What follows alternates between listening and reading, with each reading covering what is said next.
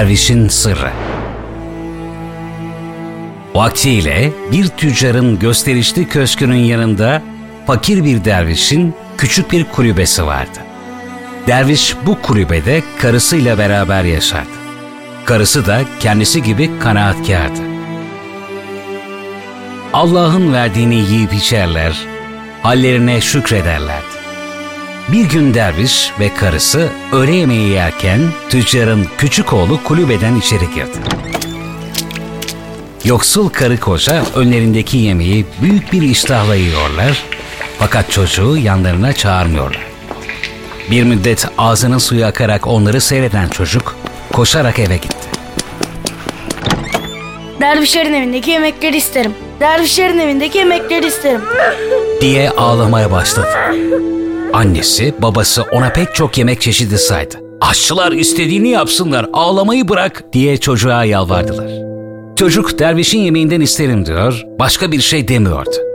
Canı iyice sıkılan tüccar, oğlunun elinden tutarak dervişin kapısına dayandı. Karşısına çıkan dervişe ağır sözler söyledi. Sen ne biçim Müslümansın? Göz hakkı nedir bilmez misin? Bir çocuk senin evine gelecek, karınla yemek yediğini görecek, ağzı sulanarak size bakacak. Siz de o çocuğu sofraya davet etmeyecek veya eline bir lokma vermeyeceksiniz. Bu hangi insafa ve İslam ahlakına sığar söyler misin? dedi. Bu sözler zavallı dervişi perişan etti. Keşke o esnada yer yarılsaydı da yerin dibine girseydi.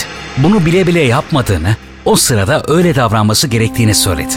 Canı çekmenin ne demek olduğunu çok iyi bilir. Fakat böyle davranmak zorundaydık. Sırrımızı ortaya döküp bizi perişan etmeyin. Ne olur hakkınızı helal edin dedi. Bu sözler tüccarın yatışmasına yetmedi. Tüccar bu sır işin neresinde? Çocuğun gözü önünde şapur şupur yemek yemenin sırrı mı olurmuş? Bir sır varsa söyle de biz de bilelim dedi. Zavallı derviş utancından kıpkırmızı kesildi. Ne olur benden bunu istemeyin. Allah rızası için bizi bağışlayın diye yalvardı. Fakat komşusunun hiç umrunda değildi.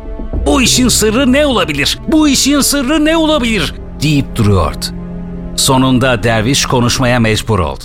Bizim o yemeğimiz bize helal, başkasına haramdı. Bu yüzden çocuğunuza bir şey vermedik dedi. Tüccar bu sözlerden yine bir şey anlamamıştı. Hayatımda böyle manasız bir söz duymadım. Bir yiyecek ya herkese helal veya herkese haram olur. Efendi ne demek istiyorsun? Şunu açıkça söyle. Derviş boyun büktü. Pekala. Hakkımızda kötü düşünmenizi önlemek için her şeyi olduğu gibi anlatacağım. Karımla benim ağzıma üç gündür bir lokma girmedi. Üç gündür aç yatıp aç kalkıyorduk. Artık gücümüz kuvvetimiz kalmamıştı. Bir ekmek alacak paramız yoktu. Bu sabah şu ilerideki harabede bir eşek ölüsü gördüm. Bilirsiniz dinimiz açlıktan ölmemek için haram olacak yiyecekleri yemeye izin vermiştir. Ben de hayvandan bir parça kesip eve getirdim. Pişirip yemeye başladığımız sırada oğlunuz içeri girdi. Onun iştahlı bakışlarını içimiz yanarak görmemeye çalıştık. İşte meselenin aslı budur. Hakkınızı helal edin dedi. Bu yürek parçalayan itirafı duyan zengin komşu derin bir üzüntü duydu. Öfkeme yenildim. Zavallı dervişin izzeti nefisini düşünmedim diye kendine kızdı. Aslında tüccar iyi biriydi. Çok da cömertti. Fakat çocuğunun ağlamasına dayanamamıştı. Şimdi yer yarılsa da içine girsem diyen oydu. Hem komşusunun bu kadar zor durumda olduğunu öğrenip yardımına koşmamış, hem de onun sırrının ortaya dökülmesine sebep olmuştu. Yaptığı affedilecek gibi değildi. Dervişin ayaklarına kapandı. Ben kendimi insan sanırdım. Oysa gözünün önünü göremeyen zavallıymışım.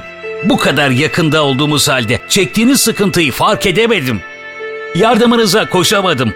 Üstelik sırrınızın ortaya dökülmesine sebep oldum. Yarın kıyamet günü. Allahu Teala benden bunların hesabını sorarsa ben ne yaparım? diye ağlamaya ve dervişten af dilemeye başladı. Sonra çok az insanın yapabileceği bir davranışta bulundu. Malını ikiye böldü. Yarısını dervişe verdi. Tüccar o gece rüyasında Peygamber Efendimiz'i gördü. Efendimiz ona gülümseyerek bakıyor ve komşuna yaptığın iyilik Allahu Teala'yı hoşnut etti. Bundan sonra malın daha bol ve bereketli olacak. ahirette de benim yakınımda olacaksın diyordu. Kıssadan hisse. Komşu hakkı büyüktür.